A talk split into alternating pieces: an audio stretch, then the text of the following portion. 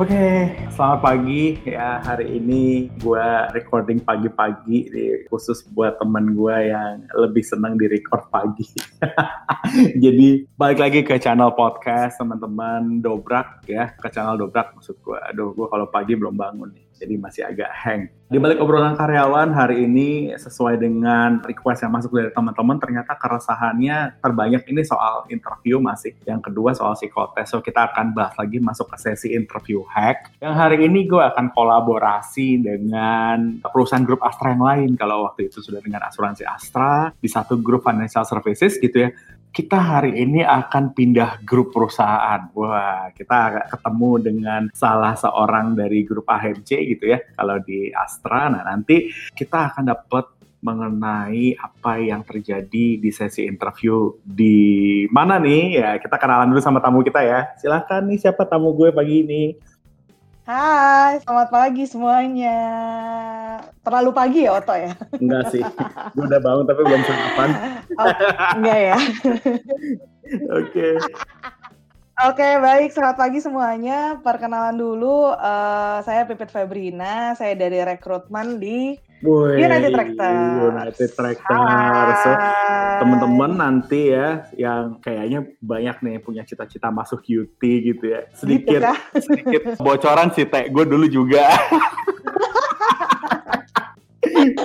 Serius, tapi bukan itu. Gue dulu sempat ngelamar ke Pama, jadi pas lagi fresh graduate gue pernah ngelamar ke Pama.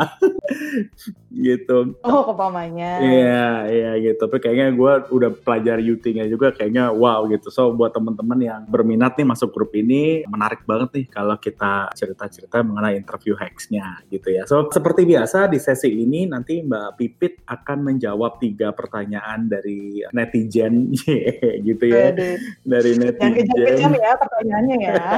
iya iya ini netizennya nih baik-baik nih sekarang ya. So kita akan mulai dari pertanyaan yang pertama. Nah ini kan terkait sama pandemi, kebanyakan rekrutmen ini dilakukan secara online gitu ya. So pertanyaannya gini, eh, ada nggak sih tips untuk menghadapi rekrutmen secara online, secara umum dulu kali ya, Pit ya? Monggo, Pit. Jadi kekhawatiran gimana sih persiapan untuk interview secara online? Nah kalau misalnya yang gue lakuin sih, pakai gue nggak apa-apa lah ya kita santai, santai aja lah ya bebas ya bebas ya okay, jadi sebenarnya perbedaan sekali sih dibilang sampai hmm. 180 derajat enggak gitu ya karena kalau hmm. ini kita ngomongin kesamaannya dulu gitu ya interview mau offline maupun online yang pertama tetap hmm. outfitnya harus rapih gitu jadi kalau misalnya offline kan ketemu langsung nih biasa akan lebih prepare tuh ada yang hmm. somehow pakai dasi hmm. pakai jas gitu nggak salah gitu it's okay gitu terus hmm. sisiran kayaknya baru cukur gitu ya nah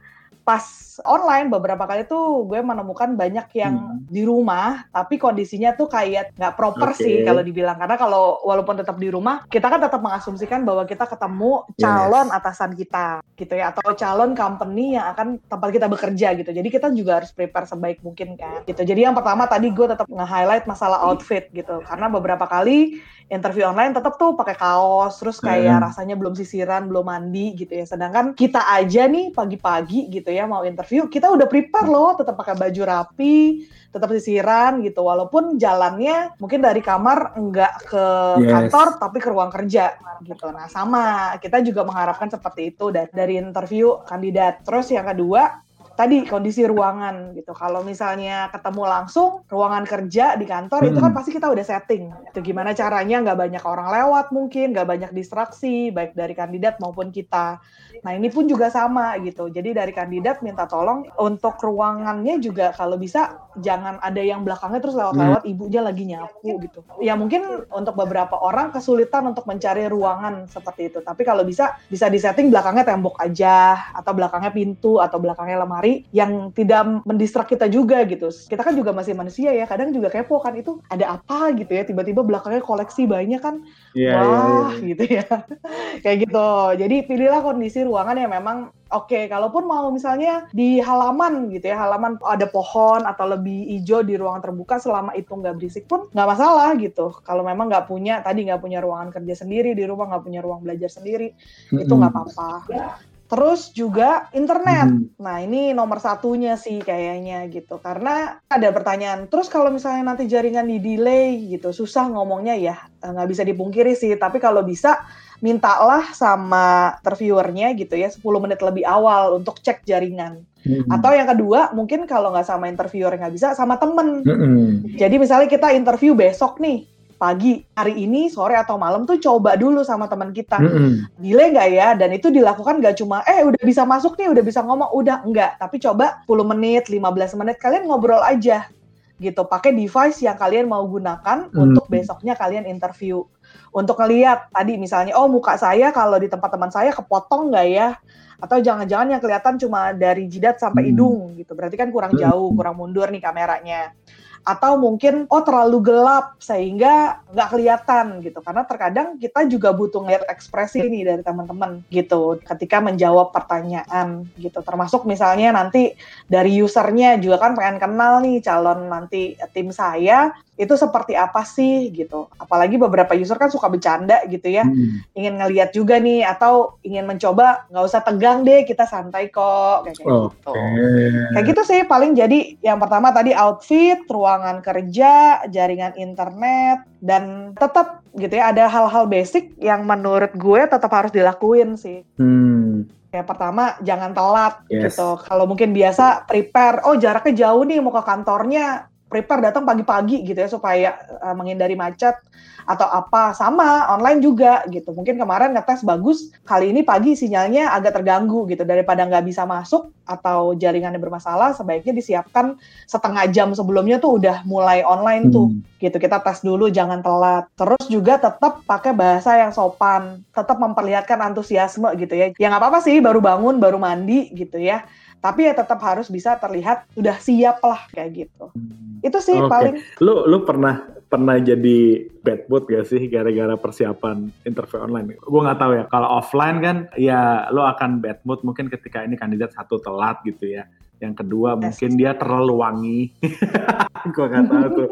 gue pernah menjumpai kandidat terlalu wangi, yeah, yeah, yeah. jadi gue kayak berasa di kuburan gitu ya. Dan beberapa hal gitu ya. Nah kalau online ini pernah gak sih lo kayak mood lo jadi agak terjun bebas itu gara-gara ini kandidat uh, tidak mempersiapkan sesuatu yang mungkin lo ekspektasiin gitu, Pit. Sebenarnya kalau gue sendiri personally sampai yang bad mood banget enggak, paling suka yang gemes aja gitu kayak hmm. aduh gitu kok ini videonya nggak keluar. Sedangkan ya itu somehow user tuh mau lo untuk ngeliat timnya kayak apa gitu. Hmm. Terus juga misalnya tiba-tiba hilang gitu karena disconnect gitu ya. Mm -hmm. Lagi kita lagi ngomong nih, lagi ngejelasin gitu ya, tiba-tiba mm -hmm. dia hilang karena nggak ada sinyalnya. Mm. Ya emang kita nggak bisa kontrol sih, tapi kan kita bisa prepare itu ya gitu. Jadi itu itu aja yang paling gemes gitu. Nah kalau user, karena kan beberapa kali uh, gue juga dampingin user kan untuk interview yes. secara online gitu, membiasakan si online ini. Nah itu mereka komentarnya gitu, ini kok kandidatnya kayak baru bangun ya gitu, ini kok kandidatnya ah terlalu santai ya pakai kaos. Terus tiba-tiba ya itu tadi misalnya contoh ada ibunya lagi nyapu di belakang terus user tuh bisa ketawa sendiri. Uh, nggak apa-apa itu ibunya nyapu kita sambil interview nggak apa-apa ya gitu. Jadi kayak itu distraksi gitu. Kayak gitu hmm. sih. Jadi hmm. sampai moodnya terjun bebas banget enggak. Tapi itu bisa mendistraksi gitu. Yang tadinya kita lagi serius banget lagi ngomongin misalnya lagi ngegali hal-hal yang mau kita tahu jadi bisa lupa atau terus kayak eh kita tadi ngobrolnya sampai mana ya? Itu kan nggak enak ya gitu. Betul. jadi kalau bisa di prepare aja sih itunya Iya iya, sebenarnya tidak akan mempengaruhi keputusan, tapi jadinya aliran informasi dari si kandidat ke kita itu jadi agak putus-putus gitu ya, Teh ya. Yes, betul. Iya, iya sayang juga sih temen-temen nih yang dengerin artinya ketika lo udah harusnya sih si interviewer ini banyak dapat informasi dari lo gitu tapi ya karena sering ada distraksi jadinya informasi yang akan terserap jadinya semakin sedikit tuh nanti buat bikin keputusan gitu asumsinya yeah. kayak lagi nonton YouTube atau hmm. lagi nonton online gitu terus tiba-tiba buffering iya yeah. yeah. kayak gitu kan lo kebayang nggak lo kemarin ya yeah, pada dengerin nih mungkin kemarin habis nonton With The Fast gitu ya terus sinyal lo jelek lagi lagi lagi hype-nya masuk eh ya, lah ya gitu Bentar kan nggak jadi kan I see, I see. Oke okay lah ya, itu soal online ya. Artinya ya lo ya preparationnya mungkin jadi lebih ada ekstra ya Pit ya karena nggak cuma nyiapin diri untuk datang ke kantor tapi ya benar nyiapin sekeliling yang ada di dalam rumahnya dia gitu ya. ya betul.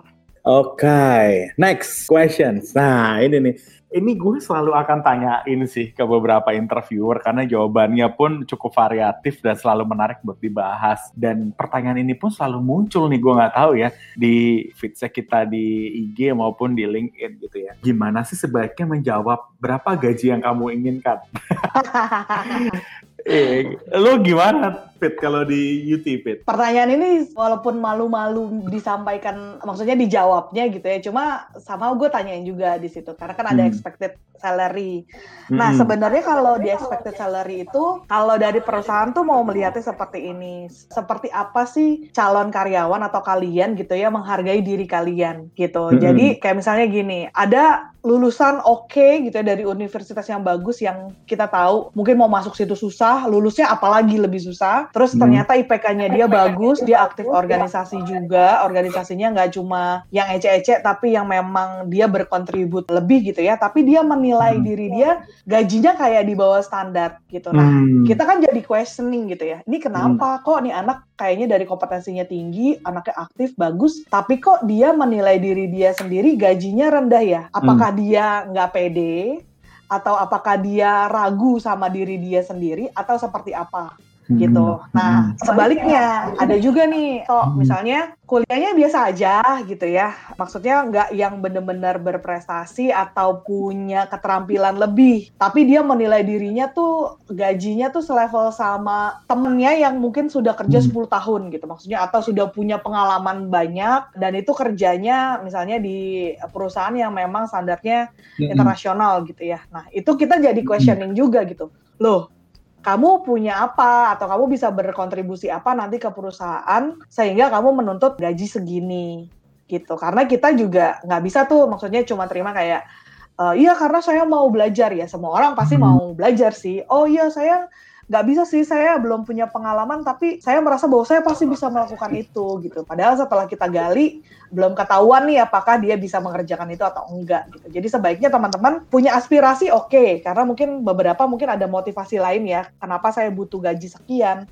Kenapa saya harus punya penghasilan sebulan sekian itu nggak apa-apa tapi cobalah cari kayak misalnya tanya sama teman-teman yang hmm. satu peers gitu misalnya baru saya baru lulus nih gitu ya udah hmm. saya tanyalah sama teman-teman yang mungkin misalnya gini oh saya baru lulus saya mau kerja di perusahaan hmm. alat berat gitu tanyalah sama teman-teman yang sudah bekerja di industri alat berat tapi baru levelnya satu hmm. dua atau tiga tahun karena fresh graduate itu kan hmm. hitungannya sampai tiga tahun ya carilah tanya lah kira-kira berapa sih misalnya dia bilang oh range-nya antara 8 sampai 15 oh ya sudah jangan terus kita minta misalnya 30 karena dua kali lipatnya nih atau saya kebutuhannya segitu gitu. Nah, kita kan nanya ini gitu, kamu punya kontribusi apa gitu. Karena kalau ngomongin masalah industri kan ya tadi balik lagi, kita akan memberikan sesuai dengan performance-nya kan gitu atau kompetensinya gitu. Nah, kalian harus hitung-hitung sendirilah yang pantas untuk diri kalian berapa gitu. Jangan tadi saya mau kerja di industri alat berat, saya baru lulus, saya nanya sama orang yang sudah kerja di alat berat misalnya 10 hmm. tahun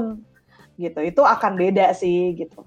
Kayak gitu sih toh. Jadi sebaiknya tanya sama temennya. Jadi setelah lulus kuliah jangan putus hubungan tuh. Gitu masih tanya-tanya, masih kontak juga atau beberapa bahkan kalau kalian browsing gitu ya di beberapa forum tuh yes. ada tuh yang bisa menampilkan oh kalau perusahaan di bidang industri ini range gajinya sekitar segini sampai segini. Oh untuk perusahaan dengan industri ini itu range-nya segini sampai segini karena ya tadi mungkin industrinya berbeda, kalian sama-sama baru lulus starting point-nya bisa Betul. beda tuh gajinya gitu. Karena balik lagi safety kerjaannya, seberapa butuh keterampilan di pekerjaan tersebut atau hal-hal lainnya gitu. Itu bisa beda bisa betul, beda banget. Betul. Kayak so, gitu sih. Ini mungkin buat teman-teman fresh graduate yang mungkin ngelamar lempar CV mungkin ke 10 perusahaan gitu ya bisa jadi ya lu mesti harus lebih extra effort gitu ya untuk cari seperti apa nature kerja di sana sehingga kemudian lu cari bisa cari info nih kira-kira di sana range gajinya kurang lebih berapa gitu ya. Jadi lu bisa ukur tuh diri lo sebenarnya kebutuhannya seberapa gitu lah ya kurang lebih ya. Betul. Dan satu lagi sih sebenarnya ini gue highlight banget gitu karena sering hmm. banget kejadian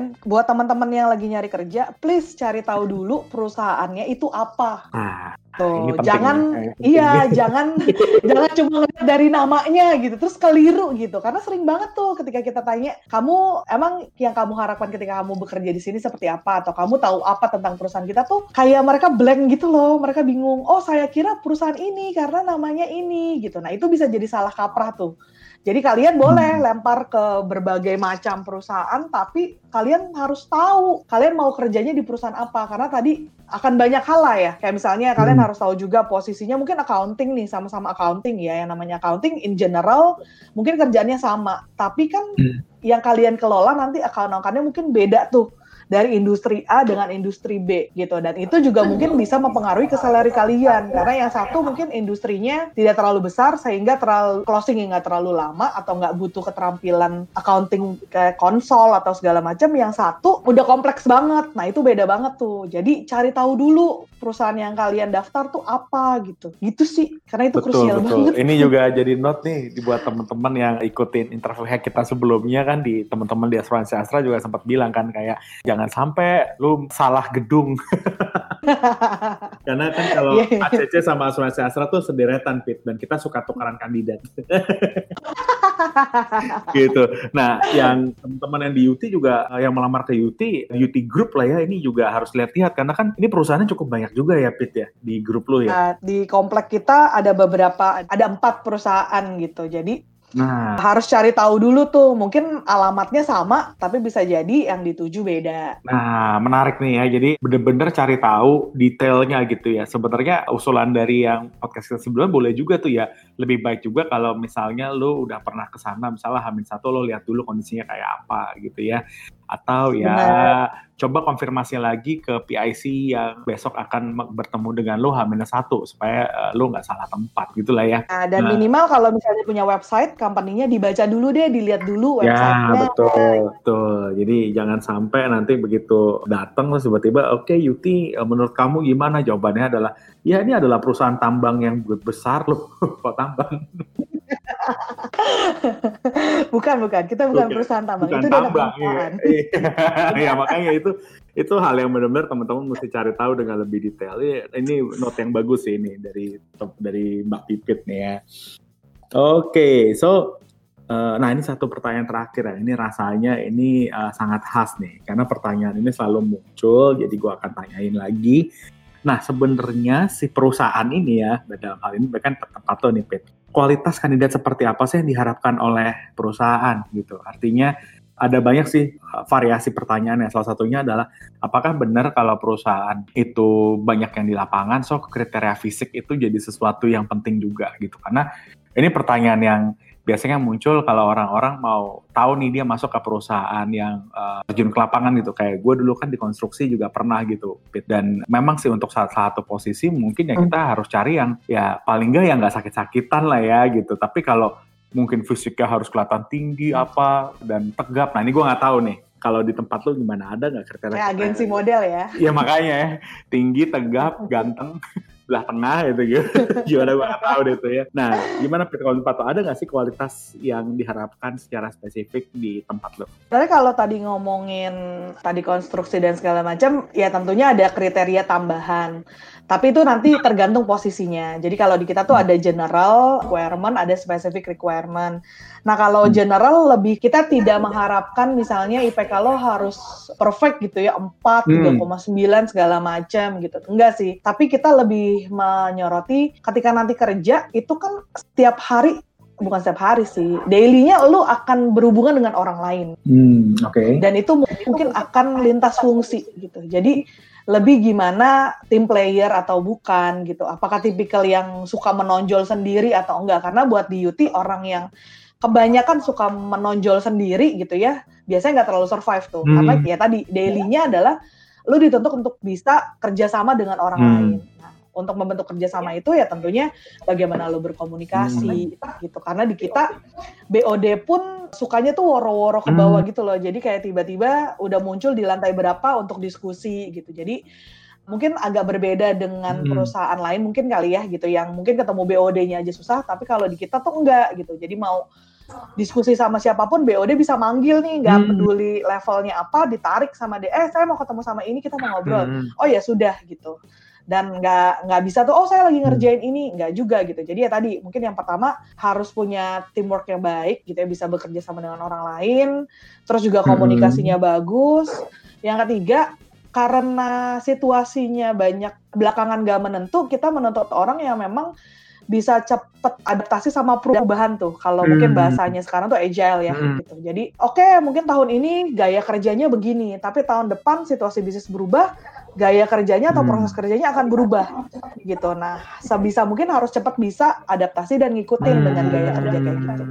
Paling itu sih nggak ada kriteria hmm. khususnya hmm. dan oh satu lagi harus mau ditempatkan di seluruh Indonesia. Betul, itu itu yang berat gitu. Nah, itu yang biasanya orang akan aduh nanti saya LDR nih saya pacar hmm. saya gitu. Aduh, ibu saya sedih banget nih kalau saya pergi jauh gitu. Nah, tapi ya itu sih harus meyakinkan diri dengan orang-orang sekitar kalau mau masuk UT ya harus mau untuk ditempatkan di seluruh Indonesia. Hmm. Kayak kayak gitu. Itu untuk general. Nah, kalau requirement-nya untuk posisi tertentu hmm. sih toh kayak misalnya gini, mekanik gitu ya. Kita menuntut misalnya ada kriteria tinggi badan tertentu dan juga tidak, mohon maaf, tidak buta warna parsi, eh, tidak buta warna gitu ya. Hmm. Even parsial pun tidak boleh. Kenapa? Karena nanti mekanik itu kan berhubungan sama alat berat hmm. gitu. Kalau mungkin tingginya tidak sesuai, susah tuh untuk menjangkau mur atau baut atau tertentu lah ya hmm. gitu untuk melakukan pekerjaannya dan yang kedua misalnya mohon maaf tidak buta warna itu ya bayangin dong kalau misalnya dia harus motong kabel hmm. terus tiba-tiba di instruksi manualnya warnanya biru dia potongnya yang merah waduh kayak penjidak bom kan bahaya ya gitu. Jadi yeah, kayak gue kebayang sih, gue kebayang lagi contohnya kayak gitu ya. sih. iya iya gitu. Contohnya kan kayak gitu kan karena banyak kerjaan yang memang pakai manual book yang itu warna-warni hmm. gitu. Ya kayak gitu sih. Paling itu requirement khususnya untuk posisi tertentu. Tapi in general ya yang tadi itu sih yang tadi gue sebutin di awal. Betul betul. Aja nggak yang nggak yang aneh-aneh. Nggak yang aneh-aneh juga ya. Pun sebenarnya ketika muncul spesifik requirement itu tujuan kita kan sebenarnya bukan men mendiskriminasi ya Pit ya ujungnya adalah nantinya bagaimana lu bisa efektif dalam pekerjaannya gitu jadi ada reason di balik apa namanya syarat-syarat yang spesifik gitu ya Ah, betul. Yes. Oke, okay. sip.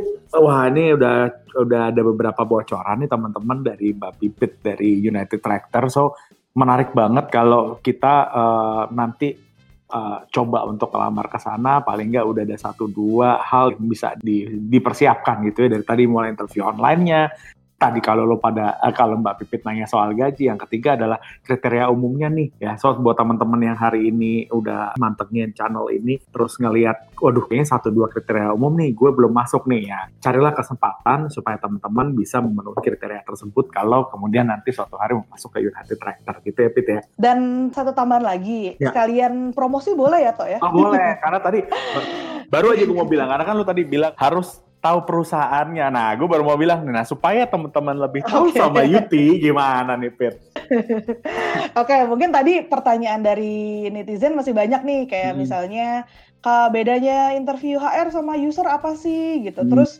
dan lain-lain gitu ya. Nah, hmm. itu di Instagram kita hmm. di unitedtractors.career. Hmm. Jadi United Tractors ada S-nya dot karirnya hmm. bahasa Inggris gitu ya. Nanti mungkin kalau di posting di IG-nya ACC. Uh, AB eh